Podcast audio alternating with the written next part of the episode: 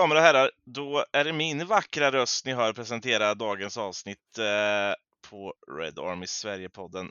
Och eh, ja, jag och Jonas är tillbaka då. Gästa lite igen. Jag var ju med på det här hemlighetsmakeriet som eh, jag, Adam och, eh, jag, Adam och Mikael gjorde häromveckan eh, som inte blev inspelat. Avsnittet som aldrig sändes. Fan vad bra avsnitt det var. Exakt, och med mig har jag ändå Mikael den här gången och det är ju rätt trevligt. Uh, hur har din helg varit Mikael? Yes, uh, det... mycket bra måste jag säga. Av ja. någon anledning. Det, är, det, finns många anledningar faktiskt, skulle ja. jag säga. Uh, elva stycken på en, en plan i Manchester, uh, minst. Ja, och många uh, andra resultat som gick vår väg också. precis, säga. det gjorde väl att man, man mådde lite bättre i söndags, eller igår rättare sagt, blir det Vi spelar ju in måndag. Så att man mådde lite bättre la sig i alla fall. och det är inte Adam som är med oss idag då, utan Skånepågen. Melker. Yes. Dig har vi med oss. Men yes, du är ju inte ny för lyssnarna. Nej, Borde inte vara i alla fall. Kanske några. Men, eh. Ja, kanske någon som inte hört din vackra stämma. Precis, Många vackra stämmor här idag. Yeah. Ja, jag gillar vackra. Jag gillar det uttrycket på något sätt. Det har någonting. Jag ja, överanvänder faktiskt. gärna uttryck också.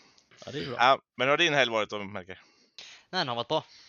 Det missade första halvleken av City, men eh, efter tentan där så var det en fin andra halvlek man fick bevittna. Sen dess har man ju varit rätt glad av naturliga skäl. Ja, är det inte nästan berättigat med ett så här eh, bombhot på så här tenta då? Ifall det ja, jo, det, det borde försökt med något sånt egentligen. Nu uppmanar jag verkligen inte till att göra sånt här, men jag bara efter hur resultatet gick. Så, Vi tar avstånd från alla typer av hot mot universitet. Ja, Red Army Sverige-podden gör det, men ja, exakt, vi gör det kanske inte Jonas själv så här på tema. Men Jonas åsikt själv. Det är Jonas personliga åsikt. Pratar jag om mig själv i tredje person också, det är alltid trevligt. Mm. Eh, nej, men eh, ja, vi vet väl alla vart vi ska börja någonstans och eh, vi har redan haft det uppe på tapeten, men igår så tog väl Ten Hags United ytterligare sju steg framåt eh, i hur glada de kan göra oss i alla fall och även i, i sin utveckling rent resultatmässigt. Eh, 6-3 fick vi stryk med senast vi mötte Manchester City i ligan här och eh, igår så vann vi med 2-1. En, eh, en match som nog glädjer alla eh, Manchester United-fans men inte så många andra eh, kan man väl säga. Eh, framförallt så om man tittar på igår så ja, vi kan börja bara med vad tyckte ni om insatsen? Merker, vad, vad har du att säga? Du såg andra halvlek, men eh, vad tyckte du om den? Ja, men så som jag förstått det så var ju både första, första och andra halvlek lite annorlunda, men utifrån vad jag såg så eh, svårt att egentligen ge något helhetsintryck, men det ser ju inte sådär jättepositivt ut i, i början av andra halvlek. Eh, kändes som ett City som dominerar rätt mycket och United var rätt, rätt öppna, eller mer öppna än vad man har hört att de var i första halvlek. Eh, mm. Men sen, eh, avslutningen där är ju är magiskt. Det är, man vågar egentligen inte riktigt fira eh, Rashfords mål heller. Eh, lite av den känslan att det kanske var någon centimeter offside, men lättnaden där efter det godkänns och så här, då, nej. Andra halvlek var i sin helhet efter den avslutningen så klart man är glad. Ja, men det är så jävla trist. Jag tänker på det nu, men också när det hände att man liksom inte att man liksom inte riktigt vågar fira. Man vågar inte tro på att det blir mål. Min första mm. instinkt är ju typ att Nej, det kommer bli bortdömt av någon Att det är offside, ja. ja. Ja, men det är någonting som hänt. Alltså, det kan ju vara vad fan som helst. Alltså, det kan vara en frispark, det kan vara någonting i uppbyggnaden, det kan vara offside, det kan vara fan och hans moster. Det är alltid någonting. Eh, så det är lite trist. Men om vi... Sen är det kul att det godkändes, även om ja, det finns ju lite meningsskiljaktigheter där vid kvitteringsmålet, men det kommer väl till sen. Men överlag så tyckte jag väl att ja, men United var bra i första halvlek, väldigt kompakta som lag. City hittar aldrig igenom egentligen. Det är sällan jag sett City så. Alltså de fick bollen och liksom kollar upp och hittar ingenting, passar hemåt. De kom aldrig igenom United. Knappt en enda gång i den första halvleken att de ens överhuvudtaget kunde spela igenom någon av våra lagdelar. Sen i andra halvlek eh, blir vi, som Melker säger, lite öppnare. Jag upplever att vi jag vet inte om det är någon slags här, trötthet eller om City ändrade någonting i sitt sätt att spela, men de kom igenom våra lagdelar och jag upplever att delvis förklaringen var, ja men säkert att City gjorde någonting, att City var lite bättre. Men också att vi inte riktigt tog jobbet och jag blev orolig då inledningsvis för Rashford att är han verkligen fit? För han tog inte riktigt jobbet, han tog inte de här djupledslöpningarna som han gjorde i första halvlek heller. Jag tyckte mest han stod still inledningsvis och då började jag tänka att, ja men, fan är han skadad eller vad är grejen? Eh, så det tycker jag är en av anledningarna till att det målet som City överhuvudtaget kommer, det är att den kommer på den kanten Rashford är på, att han inte riktigt är med i hemjobbet som han var i första halvlek och direkt man slappar i det jobb eller i det i det avseendet så straffar City en och de gör ju ett, ett väldigt bra mål får man väl ändå säga. Eh, så, så, det är väl eh, liksom det, det jag ser som den stora skillnaden. Sen får vi ju det här 1-1 målet som, ja, alltså det, man får ju säga att vi har marginalerna med oss där och det ger ju oss någon slags livlina för att vi var inte med i matchen fram till dess. Vi hade ingenting, vi hade svårt att skapa, City hade kontroll på allting. Eh, och det ger ju oss någonstans den här energin som gör att vi sen kan, kan hitta 2-1 också. Men ja, vi har ju jävligt bra spets i de situationerna. Eh, vi har inte snackat om det så mycket. Det känns som att folk inte snackar om det så mycket, men alltså Garnacho har ju varit en sensation. Alltså, vad fan var det? Hans femte assist den här säsongen eller något sånt. Alltså han, han kom ju in mot... Ja, men det spelar ingen roll vilka vi möter. Och han är liksom 18 år, men han är ändå avgörande i de här situationerna. Och man ja, ser ju någonstans att, fan nu håller jag en lång monolog här, men jag har så mycket att säga känns det som.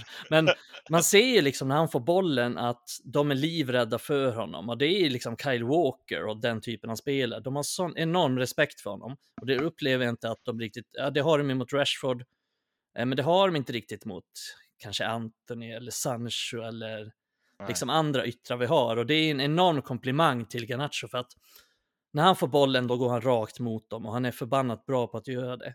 Och redan nu som liksom 18-åring, knappt spelar A-lagsfotboll hela sitt liv, så producerar han på högsta nivån. Poäng och hela tiden avgörande insatser, avgörande mål, avgörande assist. Eh, så vi har verkligen fått en nyckel där och med Rashfords form och så vidare, så vidare så, så har vi fått en till dimension i offensiven. Så även när vårt liksom spelmässigt var vi underlägsna City, så även när vi var det så, så hittar vi de här för att vi har så pass mycket spets i laget ändå. Eh, så det är lite så jag ser på den här matchen. Men det är väl också, om man bara tar typ Rashford där, man, jag läser mycket på Twitter och sådana grejer, till exempel om Rashford, att jag är så trött på att han springer in i motståndare gång efter gång. Ja, han gör det tre, fyra gånger femte, sjätte gången kommer han förbi och nu för tiden så är femte, sjätte gången mål. Mm. Eh, och, och, det är lite samma sak med Garnacho, han kommer springa in i folk. Han mm. kommer ta bollen tre gånger, men han fortsätter ju. Och mm. fjärde, femte gången kommer han förbi och vi har ju redan sett, precis som du sa, nu gjorde han ju inte mål mot Charlton där då i, i de där lägena som till och med jag har sett på de få ungdomsmatcherna jag sett honom i. Men han är väldigt bra i när han placerar in den i bortre. Viker in. Ja, det. Han har många, många sådana mål. Ja, och, och, och kommer göra. Han kommer göra, alltså för han fortsätter ju söka de här ytorna. Men han vågar också gå neråt, precis som han gör inför eh, ja, vinstmålet då, eller segermålet. Ja. Eh, Exakt, det är det som är bra med honom för att han kan gå, han kan vika in och skjuta, men han går ofta på utsidan också. Ja. Eh, så han är väldigt oförutsägbar där. Man förstår att de är att de är livrädda mot honom för att de vet inte riktigt vilket håll den ska gå åt heller. Och han är ju, han är väldigt rakt på, han måste vara en mardröm att möta honom. Ja, vilket vi istället kanske söker i Antoni också, till exempel mm. att han ska våga gå även på utsidan, vilket han, jag vet inte fan om jag knappt har sett honom. Han har nog aldrig gjort det. Alltså. Nej, det, det, är ju one trick pony över honom, även om det är såklart ja, har gett honom en del poäng. Han har gjort mål och sådana där saker, så att för mycket kan man inte klaga på, men man vill ju såklart ut, ha ut mer utav mm. Ja, med prislapp och så. Men om vi, om vi går tillbaka då till, till eh, det här som vi alla eh, eh, på något sätt såg och som har skapat eh, det största eftertrycket på länge tror jag på Twitter och, och alla sociala medier. Eh, Uniteds eh, 1-1 mål. Eh, kan man ju diskutera eh, ut och in. Ehm, men skulle det ha godkänts? Va, va, vad säger reglerna, Melker? Ja. Eh, proffset. Ja, Nej, men det blir ju en form av bedömningsfråga. Eh, där det egentligen kanske svart på vitt inte går att säga om det är något rätt alltså om det är ett rätt eller fel. Eh, om vi tar det från början så linjedomaren höjer ju mest troligt flaggan för att han anser eller helt enkelt tror att Rashford nuddar bollen. Och Mm. hade så varit fallet så är det ju givetvis ett hundraprocentigt korrekt beslut. Eh, men det är ju inte bestraffningsbart att fi- befinna sig i offside-position förutsatt att du inte rör bollen eller liksom aktivt spelar mot den på ett sätt som hindrar eller förändrar hur motståndaren agerar. Mm. Eh, och i detta fallet så blir det ju därför en, en bedömningsfråga för huvuddomaren att, att, eh, och ett beslut att ta tillsammans med linjedomaren. Hindrar Rashford Akanis förmåga att spela bollen? Hindrar han Edersons agerande? Eh, Kyle Walkers till och med. Eh, och om de inte tycker det så är det ju inte offside och då ska målet godkännas. Eh, men det är, och, och det är lätt att sitta hemma i soffan och säga att det inte ska bli godkänt. Eh, men även i det fallet så är det en bedömning som görs. Eh, och det är svårt att säga om det är rätt eller fel egentligen då det är en tolkning som görs av regeln. Mm. och i ett sätt att försöka vara så objektiv som möjligt så hade jag mycket väl kunnat godkänna ett sånt mål. Men jag hade också kunnat underkänna det för att det är ändå en argument för båda sidorna. Eh, Men just den här situationen, så, jag anser inte riktigt att, att, att eh, situationen hade varit tillräckligt annorlunda om du hade plockat bort Rashford liksom ur diskussionen. För att Akanji hinner inte den bollen oavsett, i mitt tycke. Fernandes ligger liksom närmare bollen än vad Walker gör. Så att Fernandes kommer mest troligt vara först på bollen oavsett. Och det enda som egentligen går att diskutera eh, är ju kanske Edersons agerande och det är ju lite för att vi ser ju inte honom i bild på samma sätt som vi ser de andra två. Eh, och ja, men, ja, i slutändan så finns det ändå en, i mitt tycke bra och tillräckliga argument för att både kunna godkänna målet och att liksom underkänna det. Mm. Eh, och, och som sagt, det är viktigt att trycka på att det är en bedömningsfråga. Eh, Just därför och- VAR inte går in då, till exempel. Nej, precis. Och det blir ju en individuell tolkning liksom eh, av huvuddomaren tillsammans med linjedomaren. Och det gör ju på ett sätt att alla domare hade ju inte tagit samma beslut. Och det är liksom omöjligt att komma ifrån det för det är inget svart, svart på vitt, ett korrekt beslut att ta. Sen får man ju tycka vad man vill, men eh, ja, lite så det ligger till. Ja, alltså de gick väl in och, och alltså huvuddomaren gick till assisterande domare och frågade Mm. mest troligt typ så här, ja men rörde han bollen överhuvudtaget? Och då Mm. säger han väl nej. Och så kommer de väl överens om att ja, men han påverkade inte spelet tillräckligt mycket för att vi skulle, skulle blåsa helt enkelt. Det är så jag Mm. Ja. liksom tolkar det. Och det, ja, ja det, det kan man, man kan tycka vad man vill om det, men det är ändå någonstans hur regeln är utformad. Mm. Det Eh, är där som är problemet dess- ligger i, i det här fallet. Exakt, exakt. Så om man vill att man ska liksom inte hänga domarna för det tycker jag. Då är det ju snarare så att man ska hänga de som har kommit på reglerna för det. Mm. Mm. Sen är det ju, alltså, det är ju Ja. verkligen omöjligt i en sån här situation att alltså verkligen säga att detta är ett korrekt beslut, detta är ett felaktigt beslut. Just för att jag tror, hade du linat upp 10 domare där, eller 20, så hade du garanterat haft olika beslut. Det hade inte varit liksom ett konsensus på hur du ska göra. Nej. Eh, Så att Ehm. det blir ju också problematiskt när det är en bedömningsfråga. Att det kommer aldrig vara 100% rättvist för att om den här situationen uppstår i en annan match så kanske den domaren väljer att döma annorlunda och då blir det ju det kommer ju bli orättvist åt något håll. Det är så mycket parametrar i exakt samma situation som ska in och bedömas också. Jag kan jag är helt förstående med alla City-fans i det här fallet. fort- äh, Jag får se, det är United-podd absolut, men Mm.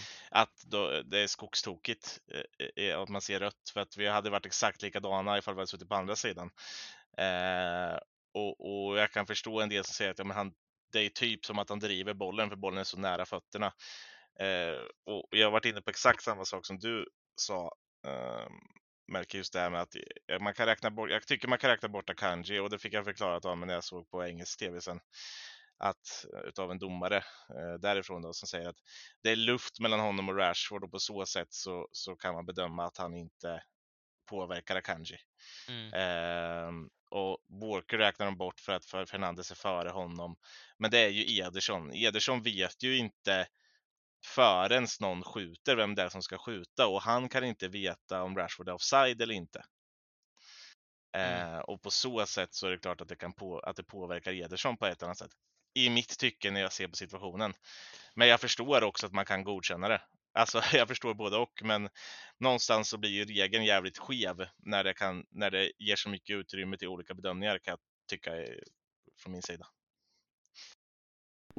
Ja, alltså, mm, det, alltså regeln är väl utformad så som jag har förstått det för att liksom man ska gynna det offensiva spelet. Man ska inte gynna de defensiva destruktiva lagen och mm. det är en bra tanke så här, men det är ju.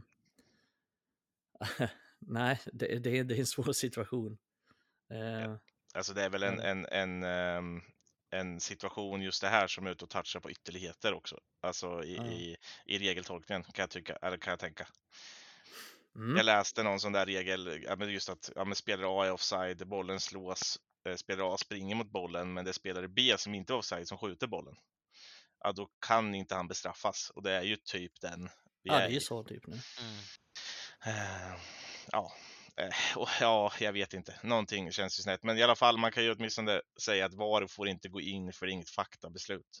Så enkelt är det och därför är inte VAR in och pillar i det här. Mm, och man stöttar ju domarens beslut då liksom. Mm. Det enda VAR kan jag säga är att han inte nuddar bollen. Mm. För det kan de kolla på alla kameravinklar och de hade kunnat sagt att det var offside om man hade gjort. Eh, för då blir det ett faktabeslut istället. Bra, då har vi rätt ut det. Ja. Fan vad bra ni är. uh, då får vi säga att Melker dömer fortfarande fotboll, antar jag? Uh, ja, Ja. Och nej, inte nu i år. gör nog inte det.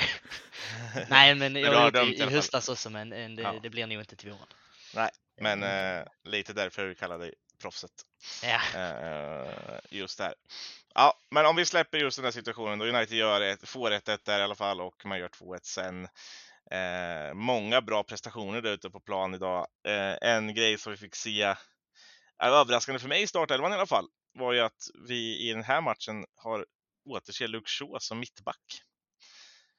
Eh, han lämnar alltså Martinez, Lindelöf och Maguire på bänken för att starta Luke Shaw som mittback. Mikael, mm. är, det något, Ändå... är det något vi får se fortsatt nu eller är det bara liksom något tillfälligt eh, hittepå han fortsätter med? Nej, jag tror att Ten kommer använda honom en hel del som mittback faktiskt. Eh, det är uppenbart att han vill ha en vänsterfotad mittback. Eh, men samtidigt tycker jag att vi förlorar en dimension utan honom som vänsterback. Eh, för jag tycker inte Malaysia är lika bra, även om Malaysia var bra mot City. Eh, nej, men det är intressant. Alltså, det kan inte vara ofta ett lag har liksom, United tre mittbackar på bänken. Liksom, det, är, ja, det är anmärkningsvärt. Nej, alltså jag tycker att han gör det superbra där, men samtidigt som jag sa, att, tycker jag att vi tappar någonting offensivt och då kanske främst i matcher vi ska föra. Nu funkade det ju ganska bra eftersom vi ändå hade så pass lite boll. Jag tror att United bara hade 30% bollinnehav, så då tycker det funkar ganska bra. Men det är ändå. Jag var ju lite skeptisk, alltså det var den enda saken egentligen jag var skeptisk till innan matchen och det, jag var orolig för det. För jag tycker inte Malaysia har imponerat särskilt mycket på sistone och jag var väldigt orolig hur han skulle klara sig mot Mares som är som, är, som ju är bra i, i en mot en. Eh, men äh, nu gick det vägen och det, det, är svårt att klaga på det. Och det är, han har gett oss ett, ett till alternativ och jag tycker definitivt att han är väldigt litet underlag nu, men jag tycker han är bättre än Maguire och Lindelöf som mittback. Eh, och jag tror också, jag vet inte om jag sa det här i förra podden, kanske skitsamma, jag kan säga det igen. Jag tror ju att Erik Ten Hag inte tycker det är lika viktigt att liksom vara en så här svinbra renodlad straffområdes mittback. Så kanske Maguire är. Maguire är ju jättebra att slänga in i den här i, den, i slutet av matchen till exempel. När, när lag slår in mycket bollar i boxen. Han är ju han är bäst i laget på att ta bort dem. Eh, men jag tror att Ten Hag eh, värderar andra saker hos mittbackarna och där tror jag att Shaw är en sån som han litar på och Eh, har värdefulla egenskaper som till exempel han är en ganska bra bollvinnare, han är bra med bollen, bra passningsspelare. Eh, snabb såklart och brytningssäker och sådär och kan stå högt med honom, bra på att vinna bollen högt upp tillbaka och sådär. Så att jag tror att det är någon han kommer använda där och kommer ha användning för även framöver. Men jag hoppas ändå att Ja, men nu kommer vi få möta Arsenal till exempel till helgen och då vill jag ju ha Luke Shaw mot, mot Saka till exempel och jag vill inte ha Malaysia där och då vill jag ha Martinez kanske som, som mittback eftersom Arsenal inte är ett lag heller som bombar in höga inlägg liksom på en lång striker eller så. Så att, eh, då hoppas jag att Martinez spelar mittback och Shaw vänsterback. Men det är ett jävligt bra alternativ ja. att, att ha i vissa matcher. Kan det ha varit ett skydd mot Martinez? Alltså dels kanske han inte anser att Martinez är riktigt spelduglig för att möta Manchester City just där och då. Eh, efter att ha haft sin lilla semester efter VM-guldet eh, och ett skydd för att han inte ska råka ut för en, en slakt av eh, Erling Haaland igen som vid 6-3 matchen. Tänker jag bara lite högt. Jag vet inte. Eller är han förbannad på att Martinez, han var ju lite småsur på att Martinez stannade kvar i Argentina och söp under bordet. Mm. Vad säger du Melker? Nej, jag tror det kan ha lite med det att göra att han eh, kanske, han kom nog kanske inte tillbaka för sent, men lite så på gränsen och att han kanske inte då vill slänga in 90 minuter direkt när han inte har gjort 90 innan, för det har han väl inte? Eller gjorde han det mot, eh, mot Charlton? Um, jag vet inte om han gjorde 90, han Nej, kanske blev utbytt på slutet, ja. men han gjorde åtminstone nästan 90. Ja, ja och sen det, har man då Luke Shaw som gjort det bra där så, så, och fyller de funktionerna i att vara vänsterfotad och mm. brytningssäker och så här så, så ja. Alltså, ja, han, väl, exakt. Har ju, han har ju lite matcher framöver här också. Uh, ja, exakt. Mm. Han har ju lite liknande egenskaper som Martinez som mittback. Mm. Ja, så de, de är jag hyfsat lika där. Kan väl se att de är ganska lika. Jag skulle att Martinez är lite mer aggressiv och, och ja. brytningsvillig uh, om inte annat. Shaw är lite snabbare. Ja. Uh, Men de är ganska lika. Mm. Ja. Så att, ja, då köper jag det här bytet faktiskt eh, än att man sätter in till exempel Lindelöf, även om såklart svenska hjärtat säger att man gärna vill att Lindelöf ska vara väldigt duktig. Eh, men där skiter vi just nu. Jag tänker vidare då. Eh, du var inne på där att City, eh, vi kanske öppnade upp oss lite mer i andra och sådär, men, men, men faktum kvarstår ju att David de Gea, trots att han släppte in ett mål då, vilket inte hjälper hans räddningsprocent speciellt mycket, men eh, de har inte ett skott utöver det. Han gör inte en räddning, inget på mål överhuvudtaget under hela matchen var, då spelar vi ändå med, med vår andra högerback. Får vi säga. Uh, vi spelar med, med Luke Shaw som, som mittback och vi har Malassia som vänsterback uh, som då, som du säger, kanske inte har direkt överpresterat uh, sista tiden. och vi har City som gör ett mål och det är på deras enda avslut på mål. Och en Håland som jag vet inte om han fortfarande har hittat ut ur Luke Shaws fickor. så. Eh, vad, vad, har vi att säga om det? Hur bra är försvaret just nu? Rafael Varan, gigant. Ja, nej, det, det, det, är ju både individuellt så har ju spelarna gjort det riktigt bra den här säsongen. Eh, eh, om du bortser från de första veckorna liksom. Men Ten Hag har ju fått, han har ju fått ihop en otroligt bra organisation och, och, det ser man ju. Det är ju mittfältet som vi förmodligen kommer att prata om lite mer senare har ju, har ju bidragit enormt till detta. Till, till, det är ett kvalitativt mittfält som som försvarar framför ett kvalitativt försvar och då blir det mycket svårare att tränga igenom, eh, även för ett lag som City. Och eh, hemligheten bakom det hela är väl, eh, eller en anledning till det är väl att Ten Hag har ju fått oss att spela som ett lag igen. Eh, spelarna vittnar ju i intervjuer om och så här om en bättre sammanhållning än på väldigt länge och, och just nu så bidrar ju samtliga elva spelare på plan till, till liksom grovarbetet och vi såg det som Micke nämnde innan liksom att, att, att eh, när Rashford inte kanske tar det hemjobbet då, då kan det visa sig rätt snabbt också mot ett lag som City. Och det är kanske därför man höll så pass tätt som man gjorde i första halvlek för där tog samtliga i startelvan tog jobbet och, och eh, höll ute City liksom. Så att just på den fronten ska Ten Hag ha en otrolig eloge att han på så kort tid redan har fått ihop ett lag där, där sammanhållningen är så pass bra och, och spelarna verkligen spelar för varandra. Mm. Samtidigt som såklart att det handlar inte bara om sammanhållning utan det måste ju vara en taktisk uppsättning som fungerar också uppenbarligen. Så fungerar det just nu väldigt bra. Uh, om jag inte och kvalitet bland de som ska utföra det också. Ja, men det precis. Ju, det är ju inte så att Varann gör Maguire-misstag uh, på löpande band.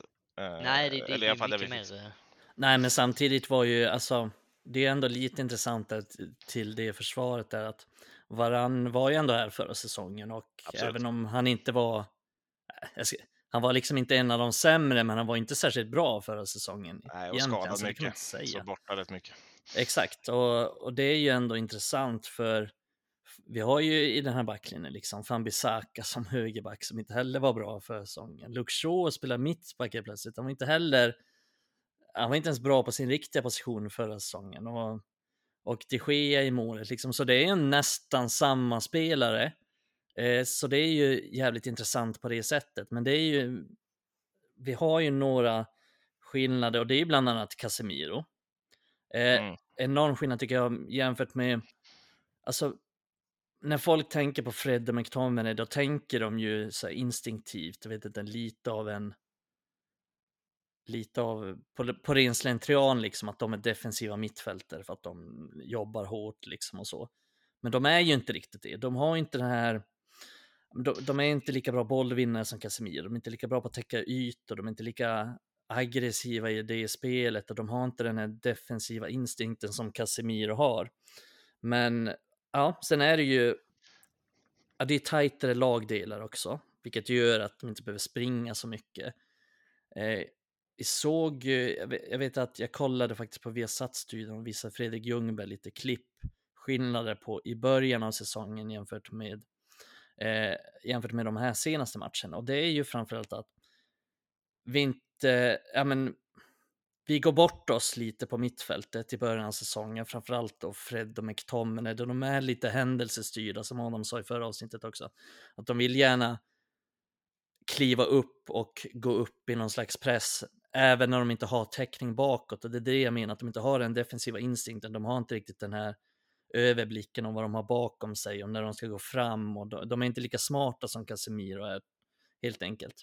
Eh, så det gör ju att vi någonstans går bort oss, men sen också att Eh, Sancho spelade ganska mycket i början av säsongen och det är kanske därför han, in, han inte är med nu, för att han tränar individuellt och han behöver bli bättre fysisk form, men kanske, kanske också psykisk form. Men då kunde vi se ganska tydligt på de här klippen som Ljungberg visar att han tar inte riktigt jobbet hemåt. Och det är, det är inte bara vad han, alltså tidigare under, alltså förra säsongen, då tog inte Rashford jobbet, då tog inte eh, någon annan ytter heller det här jobbet hemåt.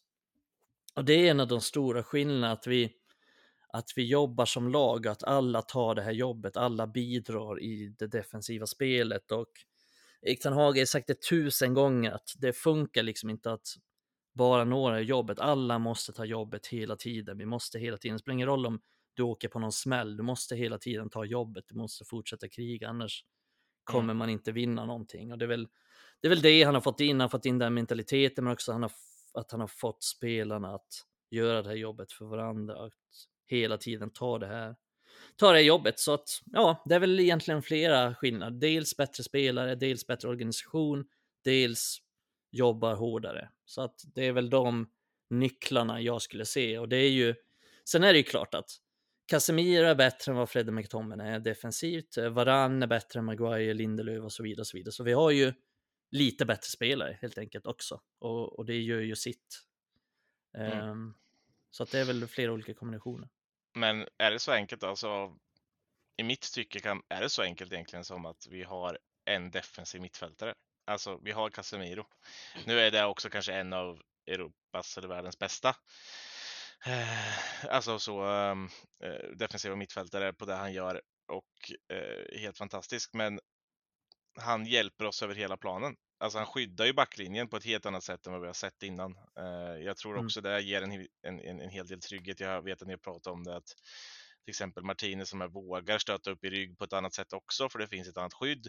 Eh, som det vi ser till exempel, vi kan ju fasa över på mittfältet här, men även Fred i den här matchen är ju betydligt mycket bättre. Han kanske är den bästa spelaren på plan eh, för United rent eh, till sätt vad han ska göra. Ja. Eh, och, och, och vinner hur mycket boll som helst. Men han har också hela tiden någon som skyddar honom. Mm. Uh, och, och tillika på det också någon han känner. Alltså sen innan han har spelat med honom i landslaget och allting så vet vad, Casemiro erbjuder honom uh, hela tiden. Det är alltså ett namn och det är någonting vi har tjatat om hur länge som helst. Den där balansspelaren. Eh, liksom som när vi, vi hade ju Matic i någon säsong där när han var jättebra eh, eh, och då ser man ju skillnad ganska fort på vad man kan göra och inte göra.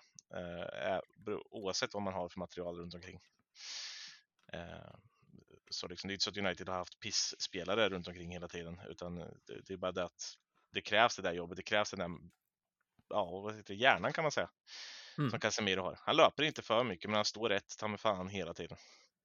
Ja, han vinner boll mm. eh, och är liksom stark i duellspelet och stark i kroppen, men också smart samtidigt. Eh, sen har han ju ett, eh, han har ett bättre passningsspel än vad Fred har till exempel också. Så att, och McTominay också för den delen. Så han har ju flera olika dimensioner som han egentligen är bättre på. Han är helt enkelt en mycket bättre spelare än dem. Mm. Det, och det är klart att det, det hjälper mycket. Ja, men Fred då, Melker? Hur, mm. hur bra var han igår? Är det någonting vi borde se mer av eh, i framtiden tillsammans med Casemiro då till exempel? Nej, men han var ju otroligt bra. Uh, och det är, det är ruskigt viktigt att ha en sån truppspelare för att Fred ger ju Ten Hag och, och laget eh, lite annorlunda kvaliteter, kvaliteter som han egentligen, jag skulle vilja säga, är rätt ensam om i truppen.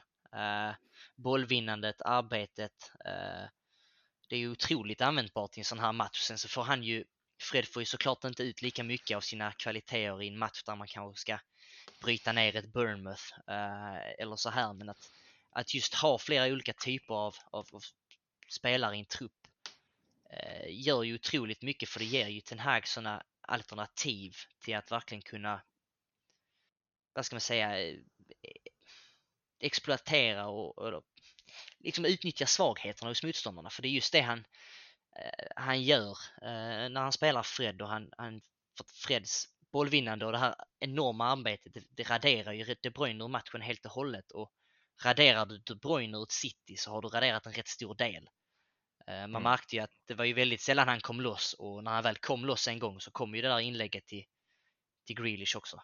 Ehm, så jag tror just i sådana här eh, matchbilder så kan Fred vara en otroligt viktig truppspelare. Eh, vi såg ju skillnaden när Eriksen startade. Jag kommer inte ihåg vem var det Eriksen och McTominay som startade mot City i första mötet. Ja, ja, det var ja. Och det är bara att kolla på resultat och chanser tillsläppta och så här. Eh, det är klart Casemiro gör en otrolig skillnad där men även Fred och hur den här kombinationen fungerar. Eh, ja, jag, grima, jag grimaserar lite så här när du fan, tänk att vi startade med McTominay och Eriksen borta mot City. Alltså, det... Det är inte starkt defensivt. Nej, det är alltså, nog ett av få misstag som, som Ten Hag nog kan grämas ja, man Kan man klandra Ten Hag så mycket när man ser hur det har gått i efterhand? För vad, alltså jag, jag, jag litar så mycket på den där gubben nu så att, eh, ja men, alltså att han, vi, alltså han fortsatte att växla in Casemiro. Eh, ja. Alla bara tjatar på att han ska in och spela, han ska in och spela, han ska in och spela. Ja men han kanske inte var redo då. då. Nej, Helt uppenbart. Inte. Fan, han börjar bli den nya, han börjar bli den nya Ferguson liksom. Jag kommer ja. ihåg en Fergusons tid, alla bara vad fan startar O'Shea som eh, högerback eller någonting. Så, så spelar vi Rafael och Fabio på innermittfältet för. Och så var de bäst på planen liksom. Att mm. de hela tiden gjorde, han gjorde hela tiden något som fick fansen att liksom gå i taket. Och jag tänker, Ektenhag gjorde just den med Malaysia där. Alltså, fan, vi satt ju där, vi allihopa säkert, att fan, det är lite risk i det här alltså. Ja, men men eh, Malaysia var ju också en av de bättre på planen. Så att... Ja, men samtidigt också att han väljer då att det är inte så att han petar Eriksen i den här matchen, utan han väljer att skjuta upp Eriksen i, i Bruno Fernandes roll och, och ut med Bruno på, på kanten. Mm. Uh, ja, men det var nog smart, smart uh, drag, även om det kanske inte var liksom perfekt. Men Bruno uh, var ju bra även när han spelade alltså längs kanten. Alltså han är ju, ja. han är ju bra i den här typen av matcher, alltså när han kan slå tidigare, tidigare bollar i djupled. Han låg ju mm. bakom det mesta vi gjorde. Så att... Och har ju ändå en fri roll. Ja, och, och just i den här matchen så kanske det inte spelar så stor roll att han var på kanten. Det Nej. kanske bara ger att han kan få lite mer ytor, lite mer tid att kunna slå de här bollarna så att det var inte nödvändigtvis så dåligt. Så att det fick han verkligen till det på det centrala mittfältet där med att lägga ner. Vi sa ju det i podden innan här att det är något drag vi skulle ha gjort, att vi lägger in Fred på mittfältet eh, mm. tillsammans mm. med Casemiro. Sen kanske vi flyttar upp Eriksen eller kanske till och med honom på bänken. Nu tycker jag att Eriksen var ganska svag matchen igenom egentligen. Jag tycker inte han gjorde någon bra match. Eh, så han, ja, det hade lika gärna kunnat vara Antoni på högerkanten och, och Bruno centralt och det hade säkert funkat bra det också. Men det, äh, det, det gjorde han bra, tog, tog rätt beslut, tog ut rätt elva tycker jag. Mm. Eh, och just Fred där, han är, fy fan vad jobbig han måste vara möta. Alltså, han, är alltid, han, är som, han är alltid där och skaver, han är som en jävla skabbräv som, som är där och skaver på hälarna och Fan vad irriterande han måste vara att möta. Han är ju alltid där och flåsar in i nacken oavsett vad De Bruyne är på planen så är Fred där som är jävla... Ah, oh, fy fan. Underbart att ha honom. Jag tycker... Ja, ser det jävla ja. håret som studsar på huvudet på honom också. ja, men han studsar liksom fram. Han är, han är inte mänsklig. Han är, han är överallt. Som en liten Bumbibjörn uh, som hoppar fram där. verkligen. Uh, han är ju, alltså, han, han har fått mycket skit, han har fått mycket skit i podden här, han har fått mycket skit av alla. Han är ju ganska underskattad egentligen. Ja, alltså, det faktiskt. Han, det han kan göra, mer mer. så länge man använder honom till det han ska användas till. Alltså det är klart att han inte, hans, hans kvaliteter passar inte tillsammans med McTominay på ett innermittfält, eller de Nej. två passar inte Nej. ihop. Och, och, mycket har att göra med att Fred är inte en spelfördelande spelare, McTominay är definitivt inte en spelfördelande spelare. Och när man då saknar det helt och hållet eh, ihop med dem eftersom Bruno inte riktigt är där heller från lägre, längre Nej. tillbaks i plan. Då, då, då, har man ju inte ett lag som kan på något sätt styra en match på ett bra sätt. Eh, utan ja, vi såg att det gick bra under Ole de matcherna när vi mötte topplag och eh, vi kunde kontra för att då kunde de springa och döda och vi kunde slå långbollar och vi vann några matcher på det. Ja, faktiskt. Och Fred var, det måste man ändå säga, att Fred var ju bra i många matcher då också. Just ja. den typen av roll. Men det är ju det när han förväntas vara någon slags defensiv mittfält, när han ska gå djupt ner och hämta boll och så. Sånt där är han inte bra på. Han är inte bra när han blir pressad och ska liksom styra spelet och bli utsatt under press. Men jag tycker ändå han är rätt bra, alltså typ så här, många typer av matcher. Han var ju bäst på plan mot Charlton egentligen också. Så han är ju ändå bra i matcher där vi dominerar stort också. Mm. Eh, och det har ju Ten Hag sagt någon gång innan också. Fan vad hänvisar till vad han säger, men jag tycker han är så klok, den skalliga jäveln. Eh, då sa han ju någon gång att eh, Fred är så otroligt bra. Det var någon Europa League-match också, vi mötte något chipsgäng på hemmaplan där. Att, eh, att Fred är så otroligt bra på att vinna tillbaks bollen snabbt när vi dominerar matcher.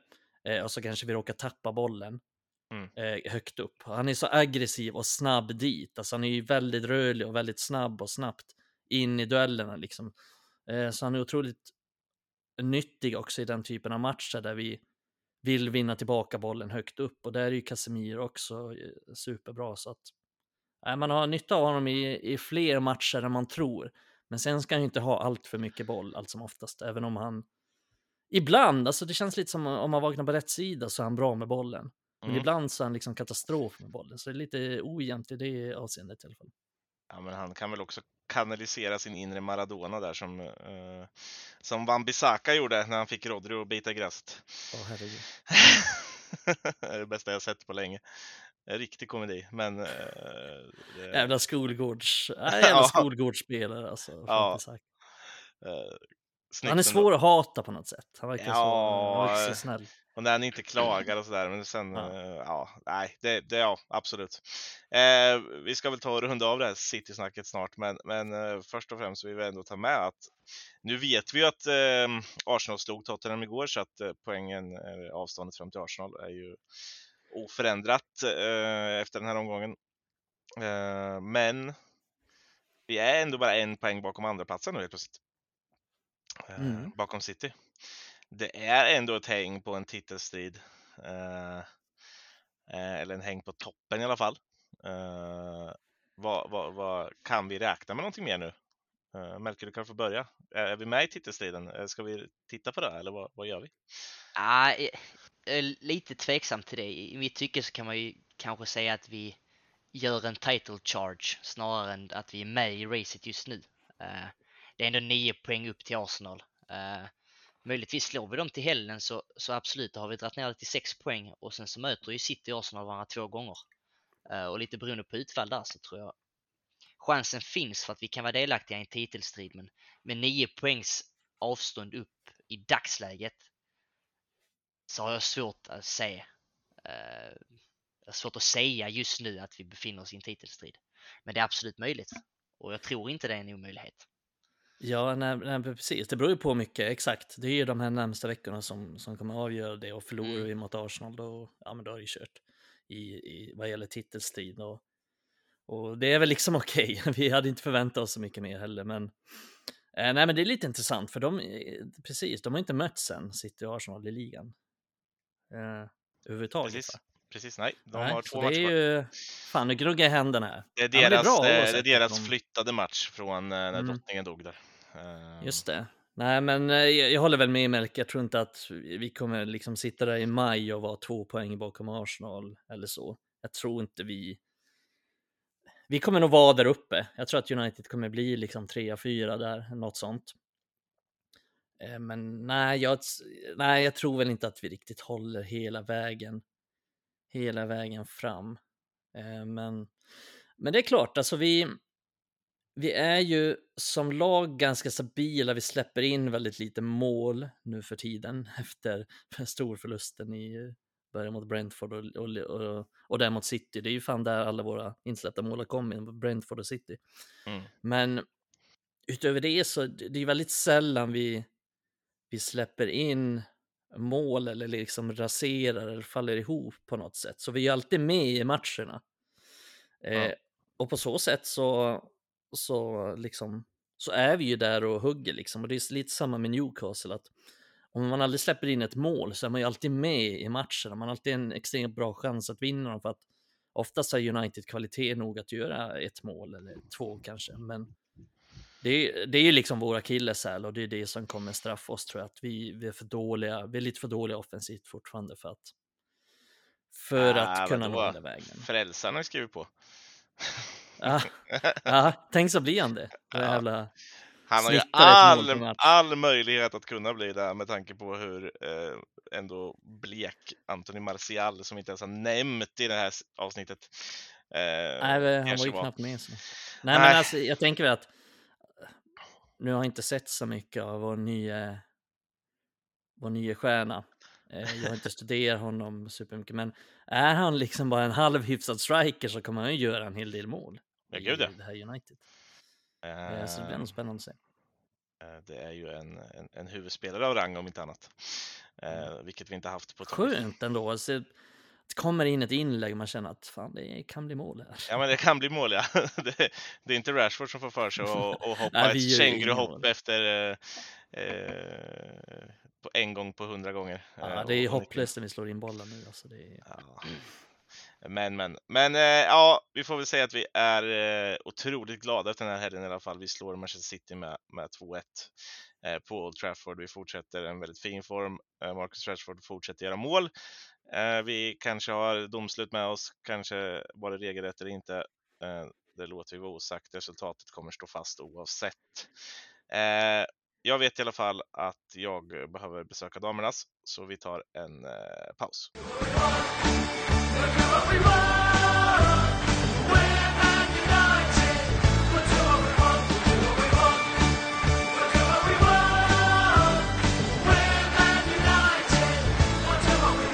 Ja, då var vi eh, klara med eh, våra bestyr. Och eh, innan vi ger oss vidare i Manchester United-snacket så eh, vet jag att Red Army Sverige bedrev en tävling inför eh, matchen mot Manchester City där man skulle gissa lite resultat och sådär.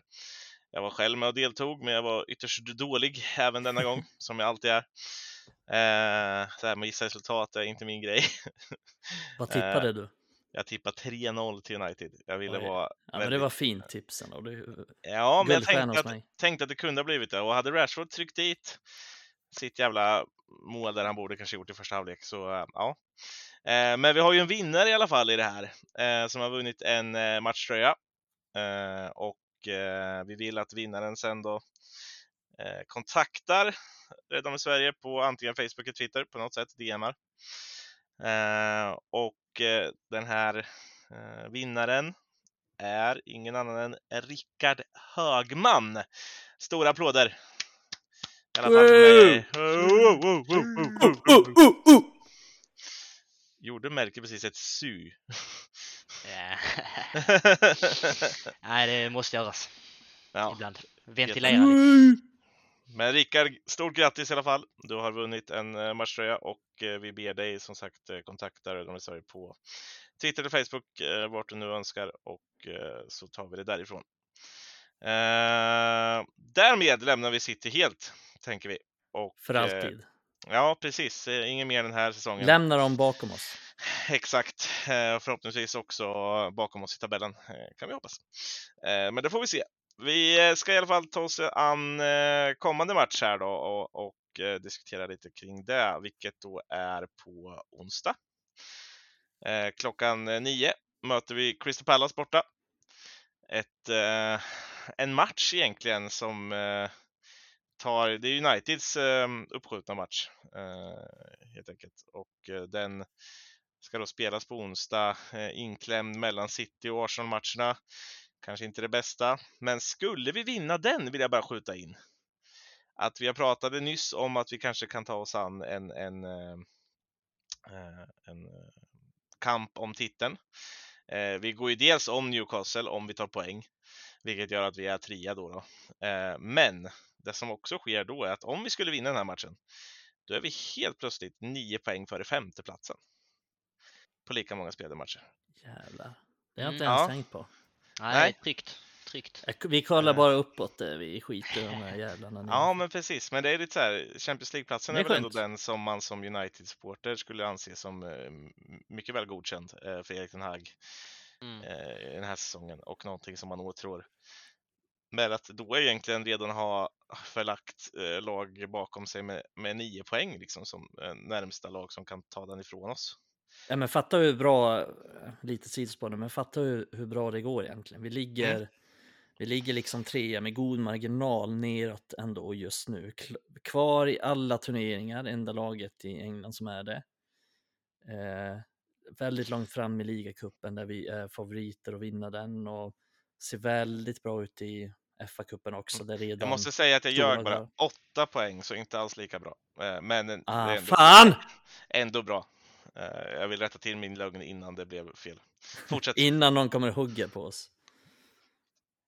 Alltså, app, app, app, app. Ja, nej men, men, men förstå ändå, där har man ju bara någonting att liksom eh, på något sätt eh, kika på att vi, vi trots endast 29 mål framåt eh, redan mm. nu är fem poäng före med en match mindre än, än Tottenham då som är närmast bakom om man säger så.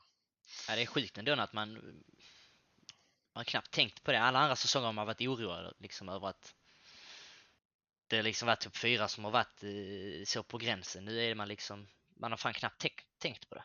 Nej. Det, först när du sa det nu. Så att, Nej, jag inte heller. Och vem fan ska fånga oss nu? Det är ingen som kommer. Nej. Spurs så jävla dåliga alltså. Ja, och Liverpool ja. är Liverpool. Så det var väl det enda positiva som kom ur, ur, eh, ur matchen igår. Eh, var väl att vi faktiskt Eh, drog ifrån Tottenham lite i alla fall. Mm. Mm. Så det är väl alltid en, en, eh, en bekväm sak att ha i åtanke, tänker jag. Men, men Crystal Palace då, om vi, vi börjar där och, och, och snuddar vid den. Ett Crystal Palace på 12 plats har ju också något oerhört svårt att göra mål och, och eh, till och med eh, Chelsea lyckades ju vinna här med 1-0. Eh, säger till och med för att jag tycker Chelsea är otroligt bedrövliga just nu. Ja, ehm, de, där, de där säckarna under Potters ögon är ju inte bedårande att se direkt. Ehm, jag förstår hans tvivel, men, men vad har vi att säga om den matchen då, Mikael? Berör den på något sätt? Eh, jag ska bara lite ett sidospår här igen. Jag gillar att komma in på sidospår, men så en tweet av, eh, ni, ni måste följa det i kontot, Ryanair på, på Twitter, otroligt roligt konto. Eh, de såg den här bilden på, på Graham Potters påse under ögonen och då skrev de något i stil med att han så stora påsar under ögonen att, att vi på Ryanair ta, kommer ta betalt av honom när han flyger med oss. Liksom extra betalt för att han har så mycket extra packning. Något liknande. Eh, kul i alla fall, roligt konto. Ja. Eh, mm, Pallas, var det frågan eller? Ja, berör Pallas-matchen på något sätt. Ah, okay. vad, vad, har mm. vi att förvänta oss? Eh, jag, jag såg ju Pallas mot Chelsea nu. Mm. Eh, jämn match skulle jag säga. Palace skapade ganska mycket ändå mot Chelsea och Kepa var egentligen Chelseas bästa spelare, vilket säger en hel del. Och sen var ja, Chelsea skapade också lite, men var ändå ganska effektiva. Det var inte så att de skapade svinmycket mot Pallas. Det var en ganska jämn match ändå. Jag tycker nästan Pallas var snäppet bättre. Så det är ju någonstans vad jag sett av dem. I början av säsongen så tyckte jag att de var väldigt bra, men sen har de ju släckat lite på sistone. Förlorar liksom hemma mot 15 i kuppen trots att de ställde upp med ett ganska bra lag, så de har haft lite problem. Eh, Förlorade även hemma mot Fulham tror jag. Eh, så att de har inte gått superbra på slutet och det är som du säger, de har lite problem att göra mål och sådär. Och sen fick de ju nu mot Chelsea Joakim Andersen skadad, vilket jag tycker är liksom deras bästa försvarare. Eh, sen tog ju Dokore ett femte gula kort. Vet inte riktigt om han är avstängd mot United nu i veckan eller om den avstängningen kommer först mot, mot Newcastle till helgen. Eh, vi, vi behöver inte spekulera i det, men om han är avstängd liksom så är det ett jävla tapp för att han är ja, men han är egentligen deras enda mittfältare. De spelar ju liksom med Jeffrey Schlupp där som eh, inte egentligen är någon central mittfältare och de har inte så mycket annat. som vänsterback gick till vänster ja, nu in han var ju, mitt. Exakt, han var ju Uniteds akademi ett tag och provspelade med Uniteds akademi. Ja men exakt, han är ju någon slags snabb vänsterback eller något sånt, vänsterytter som helt plötsligt har blivit inne mittfältare. Så att där tappar de ju liksom två stycken i centrallinjen som är extremt viktiga, kanske två av deras viktigaste spelare. Eh, och det är ju bra för att tycker inte deras ersättare är bra, liksom James Tomkins som mittback eller vem de nu slänger in. Eh, så det borde vi utnyttja tycker jag. Men sen, ja, de har ju lite spets framåt där med Saha och Esse och Kulise och de som är ganska bra tycker jag ändå. Och sen har de ju Jordan Ayew som jag tycker är, han är ju, äh, han är ju fruktansvärt dålig. Jag fattar inte varför han får spela så mycket, men han, han är där och härjar i alla fall. Du... Klagar på domaren och sådana saker. Nu kommer han ju avgöra bara för det, men... Han gör ju alltid mål mot United på något jävla vänster. Lät som du skulle säga något positivt om han, men... Nej, äh, du, Melke bara, vad fan ska han säga något positivt om Jordan Ayew? Vad fan händer? Nej, eh, så att, men... Ah! Det, kommer bli en svår match. Alltså det är, jag kan inte se att United vinner med typ 3-0. Det kommer inte hända. Det kommer bli tight. Det kommer bli en svår match och vi har många matcher nu och det är tajt spelschema. Det kommer inte bli enkelt, så, så är det. Vi eh. ska inte fastna för mycket på Pallas här, men vi kan väl ta det. Det kommer bli en tajt match. Ja, eh, vi har ju våran, vi har våran egenutnämnda transferguru eh, med oss, oh. Melker. eh, och United har precis gjort en värvning. En spelare som eh, där för att ut, utmana Martial. Mm. Eh, vi pratar såklart om WW, Wout Weghorst eh, inlånad från Burnley, eh, utköpt lån från Besiktas. Ja, det där kan ni läsa om. Eh, kommer han gå in och starta här mot Pallas? Eh, är det någonting vi kanske kan ha väldigt stor nytta av, till exempel mot Pallas här, men även i fortsättning? Det beror lite på status med, med Marcel tror jag just nu på onsdag. Mm. Eh, kanske så att man flyttar upp Rashford och sätter in Garnacho till vänster men jag har svårt att säga att han blir inslängd direkt från start. Eh, men sen så vore det inte helt orimligt. Han är eh, ändå i matchform, han har ju inte så att han inte har spelat. Nej precis, utan det skulle i så fall vara en fråga om att ja, att den här kanske vill ha han in i, i en viss roll först mm. och så här. Men nej, det, det skulle ju inte vara helt orimligt såklart. Hade det, det varit exakt... en alldeles eh, ypperlig match om man hade varit här lite tidigare. Om man säger så. Alltså ja, just... precis. Jo, men det hade det ju. Uh, det är ju säkert en match där man kan nyttja hans styrkor på ett visst sätt också med tanke på att jag, jag förutsätter att vi ska vara på lite bollförande uh, mot Palace. Uh, mot sen... Jeffrey Schlupp. Ja, precis. ja, kan vi inte vara det mot Jeffrey Schlupp så kan vi nog inte. Nej, exakt. Då går vi mot fel håll. Ja, det går åt fel håll. ja, men det skulle inte förvåna mig om han startar ändå. Nej, nej, det är inte orimligt som jag sa och jag tror att, att, att han kan nog bidra med en hel del i en sån match. Mm. Uh, och det är väl, vi pratade lite om olika spelartyper i truppen innan och det är just mm. det som kanske är det mest positiva med att få in Wout Weghorst. Sexigt namn men lite så. En bra aura runt han rent generellt. Men eh, de, hans styrkor är ju någonting som verkligen saknas i truppen, eller har saknats. Mm. Det är en komplementspelare eh. som, som verkligen fyller många boxar som vi inte har. Ja, men det är det. Just på det sättet så blir han ju otroligt användbar. Um, men den här jämförelsen med Martial som jag tror du nämnde i början av frågan var ju att, mm. att äh, men jag, jag tror Martial kommer användas mycket mer utifrån att han är fit uh, och liksom redo för spel och inte små skavanker och så här för att han kommer in och bidrar mer i det spelet som vi just nu har spelat och det spelet vi har haft under säsongen med, med lite fart och, och snabbare kombinationsspel och eh, ett mer direkt anfallsspel än vad vi kanske har sett tidigare. Eh, men med det sagt så Weggers styrkor kommer ju visa sig vara extremt användbara.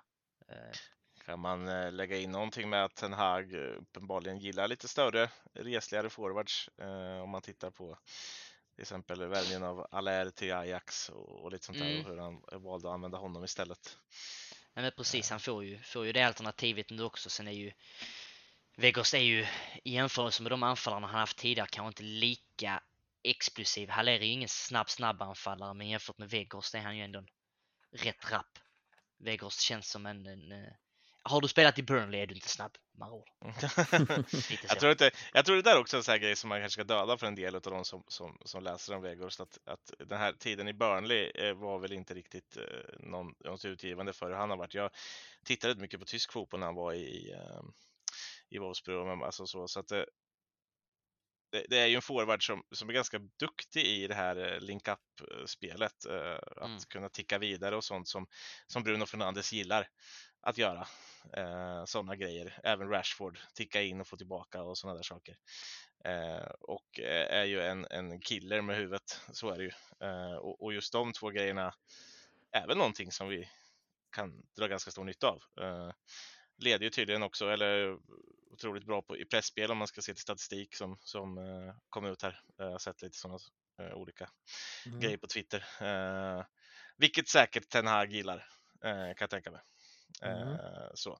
så att som ett lån måste jag säga att det är ett fe- ett 5 plus alternativ när man inte har pengar att köpa för och inte så mycket annat. Det verkar också väldigt benägen att vilja komma, vilket vi gillar.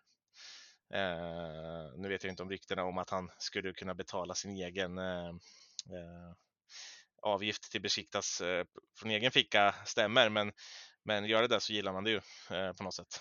Igalo 2.0. Precis. Eh, men, men jag tror faktiskt att det är bättre än Igalo. En spelare som minst har spelat... Hens er- 2.0. Vad sa du? Därav 2.0. Ja, i och för sig. Nej men det, nej, men det tror jag också. Tror, tror det blir en nyttig värvning. Och... Det ska bli spännande att se honom. Hörde inte vad du sa, men jag vill inte säga vad jag trodde att du sa heller.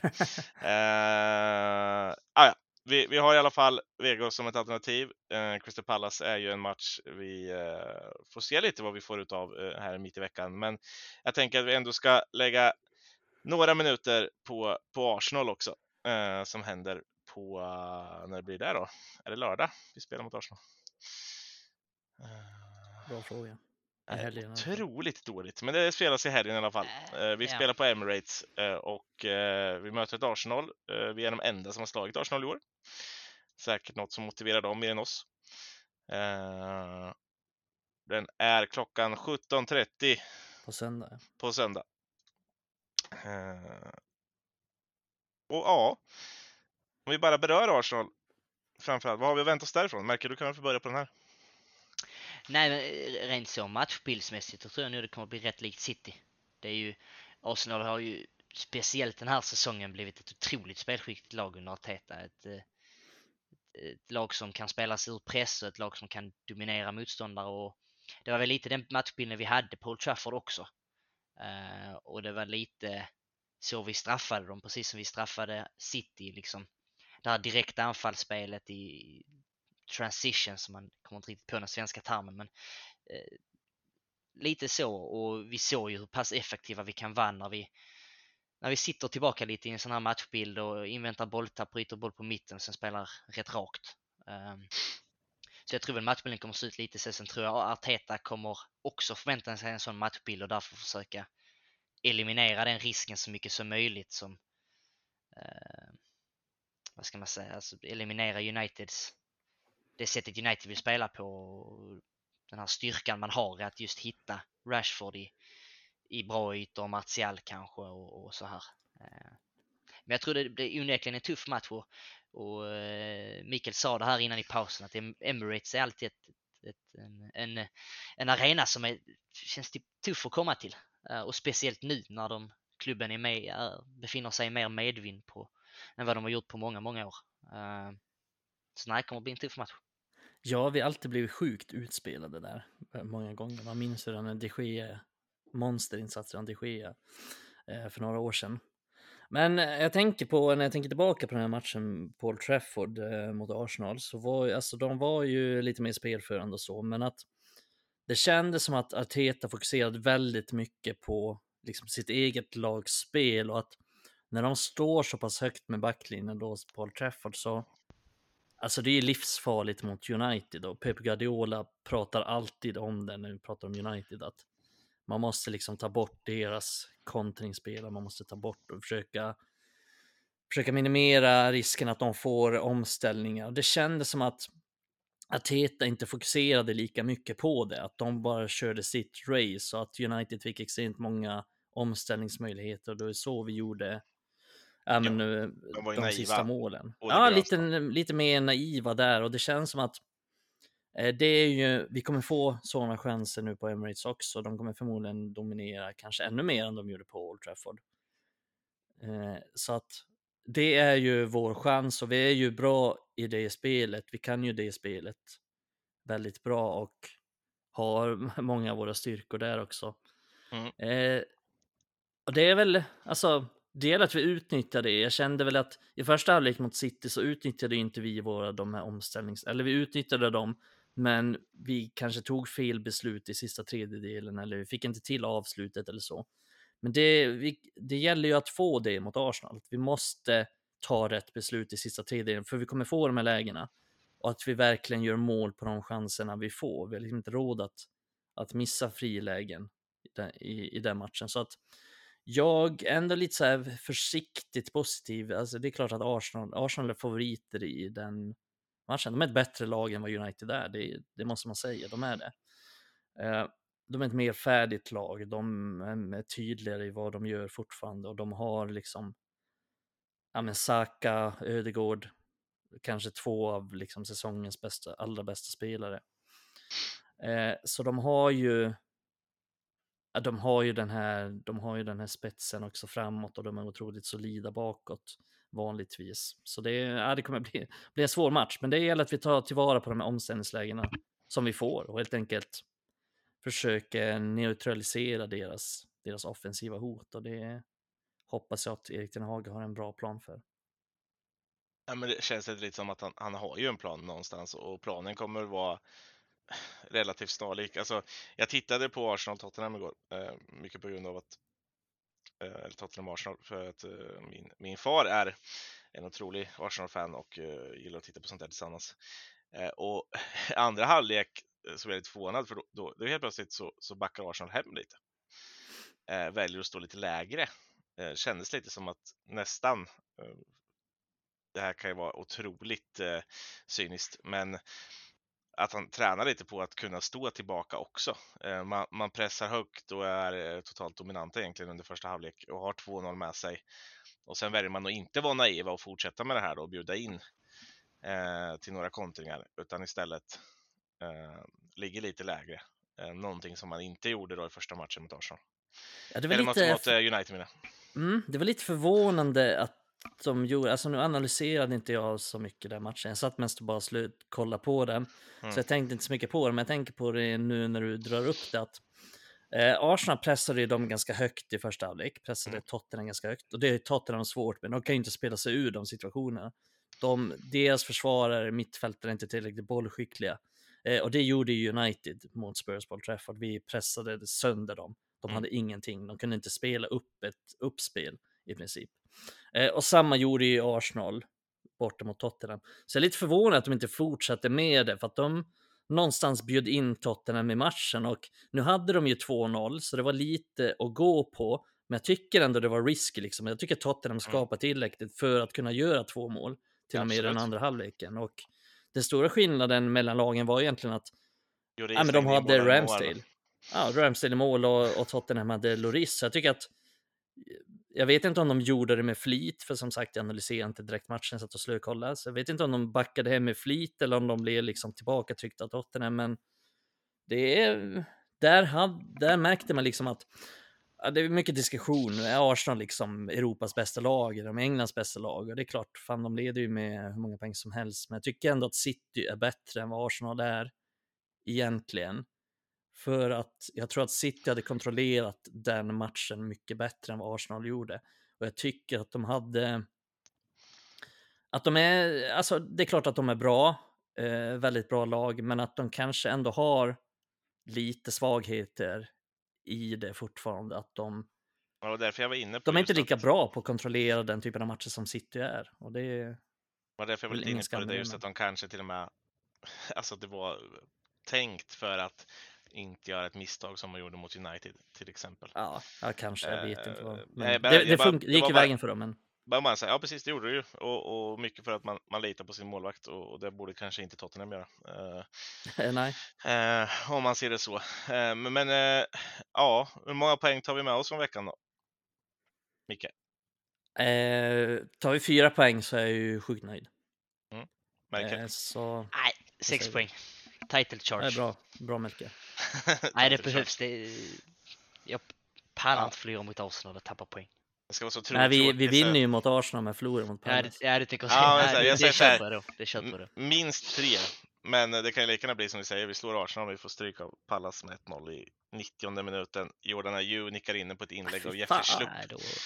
Eh, och så får Niklas. Holmgren skrika släkten är värst när han drar upp att eh, Schlupp faktiskt var och tränade med akademin som man hörde Ja, på. Raspodden utav Mikael. Exakt. Nej, det skulle Eh, inte förvåna mig. Eh, ja. ing- Inget förvånar mig, så kan jag säga. Precis. Eh, och vi, vi kan ju också ta med här, tänker jag, och, och ta upp efter vi har pratat om de här två matcherna här nu att det är ju som sagt, vi har sex matcher på fram till 4 februari här nu. Uh, nu är det i och för sig mycket cup. Det är de här två i Premier League. Sen har vi tre cupmatcher, uh, två mot Nottingham och mot Reading. Och sen har vi Crystal Palace igen på hemmaplan uh, den 4 februari. Mycket matcher. Hur, hur, hur bör Ten Hag tänka, Mikael? Ja, det är en superbra fråga. Men det är ju är det är ju helt klart så att vi måste rotera och det är ju framförallt i kupperna då. Den matchen mot Reading måste vi liksom lita på att B-laget tar det här och sen är det ju matcher mot Nottingham är ju ändå det är ändå vi, alltså vi måste ju det är liksom semifinal. Vi måste, vi har en enorm chans på titel. Vi måste ju satsa på de matcherna också. Och vi måste satsa i ligan och vi, vi känns som vi måste satsa på alla de här matcherna och det, ja, det kommer bli svårt. Det kommer bli en konst. Och, eh, men vi har ju några platser där vi har ganska bra bredd och jag tänker att det Absolut. kanske framförallt i backlinjen. Eh, men offensivt är det ju lite tunnare. Vi får se vad som händer där om till exempel Sancho kommer tillbaka. Det vet vi inte än när han kommer och så. Men det är framförallt i backlinjen vi, vi har råd att rotera känner jag, som vi är ganska breda i. Ja, men även, Eh. alltså det är klart att McTominay kommer få sin start eh, bland de här matcherna. Ja, ja, och, ja och, eh, ja, alltså så länge McTominay och Fred. Ja precis, så vi har ju även på ytterpositionerna, det är klart att det finns alternativ. Alltså Rashford kommer få vila. Eh, Garnacho kommer starta sin match. Eh, vi får in Vegors nu som kan avlasta. Och bara som du säger, mittbackarna, det går att avlasta där med. Så det, vi har ju möjligheter att rotera, så alla vi kommer inte spela alla sex matcher, så är det ju inte. Men Nej. ja, det är väl Van Bissaka som ligger illa till om inte Dalot blir frisk. Eh, Ja. Om man ser det ja, så. men det känns som att Dalot är tillbaka snart. man kan ju alltid hoppas på det. Om inte säger- mot Pallas mot Arsenal. Jag tycker du är inne, du är inne, ändå inne och berör någonting där. Det, det är ju någonting man måste ju satsa på det här nu på något sätt. Det är väl, Ja. Är väl om man skulle åka ut mot Reading i FA-cupen, ja då åker man väl ut på något sätt tillräckligt tidigt. Men, eh, men vi är i semifinal i ligacupen, vilket gör att vi är otroligt nära. Och vi har Nottingham där i också. Ja. Ett lag vi nyligen precis har spelat ut mer eller mindre. Eh, så att, Ja, ja, de har fucking Hennessy i mål. ja, exakt. Vill du lägga in någonting där? Tyckte du att Henderson skulle fått stå den matchen eller? Eh, så Otroliga diskussioner på Twitter rörande det där bland United-fans. Va? Ja. Att eh, det enda sättet för Henderson att få stå matchen är ju att United tillåter det. Ja. Och United har ju inte tillåtit det. Och Nej. då tycker folk att eh, United är eh, långsynta och, och ja. Va? Ja, jag vet inte. För mig ser det bara som att United Det är fullt vinna. rimligt. Vi vill ta bort deras bästa målvakt, Ja, kanske en av, deras fan. bä- en av deras bästa spelare till och med, eh, rent prestationsmässigt. Ja, det är klart. klart man gör det om man får chansen. Jag vet inte vad, vad problemet Är är. det för låg nivå? Vi kan inte ha den här diskussionen. släpper vi det. Ja! Jabbadabadoo. Eh, ja, nej men eh, det börjar ju röra sig mot, eh, mot sitt slut det här. Eh, helt Mm. enkelt. Vi har hållit på eh, över en timme som vanligt. Oj. Eh, Som vanligt tänkte vi att han kanske blir en timme. Ja, men kanske en timme. mindre. Någonting sånt där. Märker, är du nöjd med dagens avsnitt? Mår du bra? Ja, ja, ja, får jag väl ändå säga. Ja, Det har, eh, det har rullat på här. Ja. Det har det det. har rullat, det har rullat på. Det är fint. Mm. Mikael, är du nöjd med dagens avsnitt? Mår du bra? Alltid nöjd. Alltid nöjd att höra din, vad var det du sa? Ljuva stämma? Lena stämma? Ljuva stämma, tror jag. Ljuva stämma. Jag jag till och med glömt bort vad jag sa. Ja, men det är ljuva stämma också bra, men jag tror det var det. Jag brukar använda det. Så det låter rimligt att jag sa så. Din eh, paradgren att använda ljuva stämma. Ja. Din Eh, ljuva stämma. Det och uttrycket rent krasst. Ja, det eh, säger du också ofta. faktiskt. Ja, det har jag fått höra. Eh, Rent krasst så, Ja, precis. Rent krasst. så Eh, rent krasst så kan vi också ta avsluta det här avsnittet eh, ganska snyggt. Eh, genom att jag också säger att jag tycker att det var väldigt trevligt. Det är kul att vara tillbaka ibland här och, och gästa. Eh, nu fick jag leda idag i, i Adam som har lett de två sista avsnitten. Ja, just det, han ledde avsnittet där det, det här hemliga avsnittet som inte finns. Ja, Eh, som bara du, jag och Adam och eh, klippar Kristoffer egentligen kanske jag har hört någonting om. tar vi med oss ner i graven det Eh, avsnittet. Precis. Det var ett otroligt bra avsnitt. Jag är lite, var otroligt. ja, skulle kunna ha vunnit en, en, eh, en, En bagge, Oscar. eller en Oscar, en bagge, eh, någonting. En guldboll kanske. Eh, men i alla fall, jag vill tacka så mycket alla som lyssnar på det här. Eh, jag fortsätter att ge stora, stora, stora eh, berömmelse till till de som bedriver Red Army Sverige, till Adam och Mikael som sliter på i, i podden och eh, alla andra. Eh, och hoppas att eh, ni följer dem på Twitter, Instagram, Facebook. Alltihop, var med där. Eh, kommer mycket eh, uppdateringar på svenska rent rörande Silly som jag vet att Melker håller mycket i. Och Mm. följ också Raspoddens eh, egen eh, Twitter om ni vill komma lite närmare Mikael och eh, Adam framförallt nu som, som bedriver det där. Eh, sköna grabbar, eh, de vill man lära känna. Tackar för oss för den här veckan. Bye bye!